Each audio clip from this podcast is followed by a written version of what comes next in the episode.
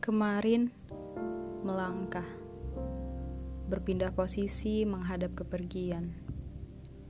Bayangan diri seakan perpisahan yang melambai. Berkelaluan potret kebersamaan dalam memori. Air mata di pipi tak lagi dapat terasakan.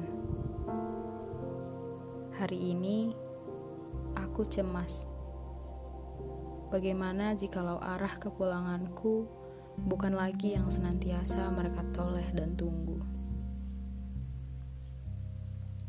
Kaca yang utuh tengah rengat karena bukan pada suhunya.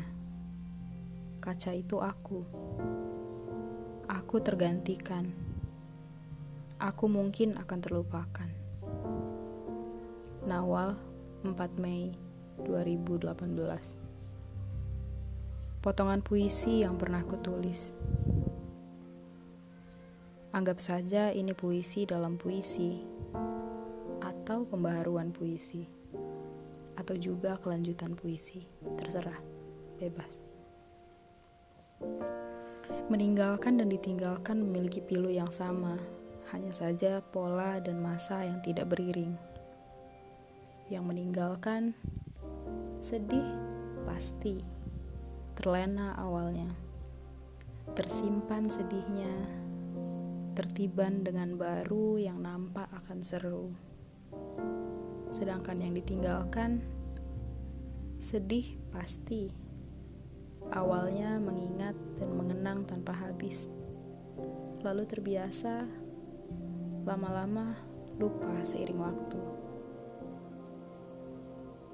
Ketika tempat yang orang tuamu sebut sebagai rumah bagimu adalah asing, namun juga tuan rumah tempat yang kau rumahkan menganggapmu asing.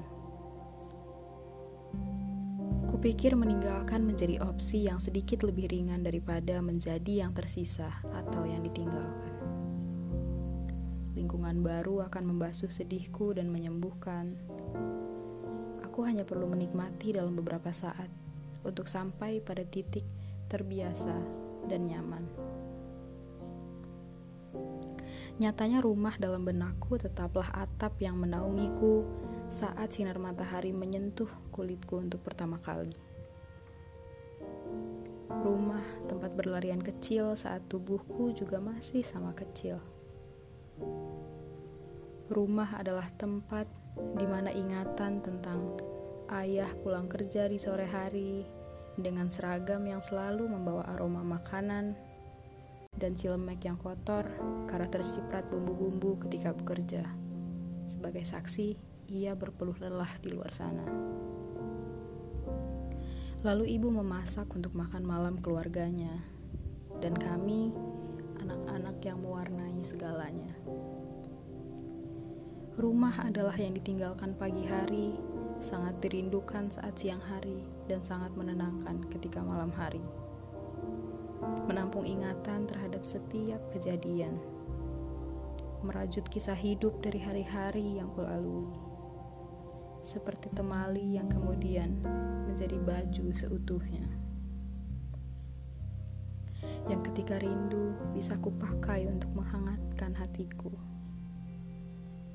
Setiap tahun di tanggal yang sama, bibirku berucap, "Sudah dua tahun tidak terasa ya." Sudah tiga tahun tidak terasa ya.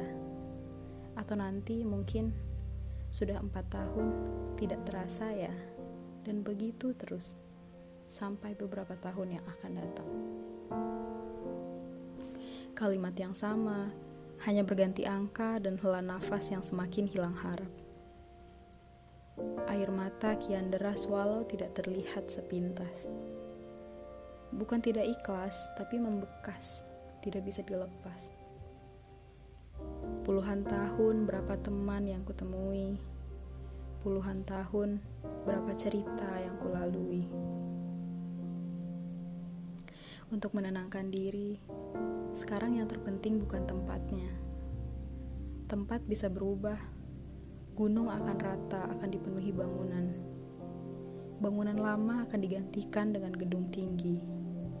Dan mungkin mataku tak akan bisa melukis dan tidak pernah ada dalam ingatanku tentang itu. Yang terpenting adalah rasanya.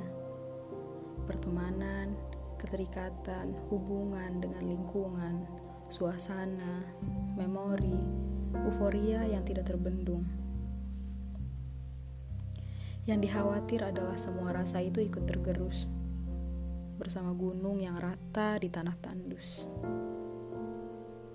Ke mana pun aku pergi, berapapun rumah yang kusinggahi, di dalam hatiku, rumahku sejatinya adalah tempat di mana aku terlahir bersimbah darah, lalu merangkak, meniti, berdiri, berjalan, bersimbah peluh. Semua akan kembali ke rumahnya. Setiap kaki akan membawa raganya kembali berpijak pada rumahnya, walaupun bukan untuk ditinggali lagi alasan lain akan jauh lebih masuk akal.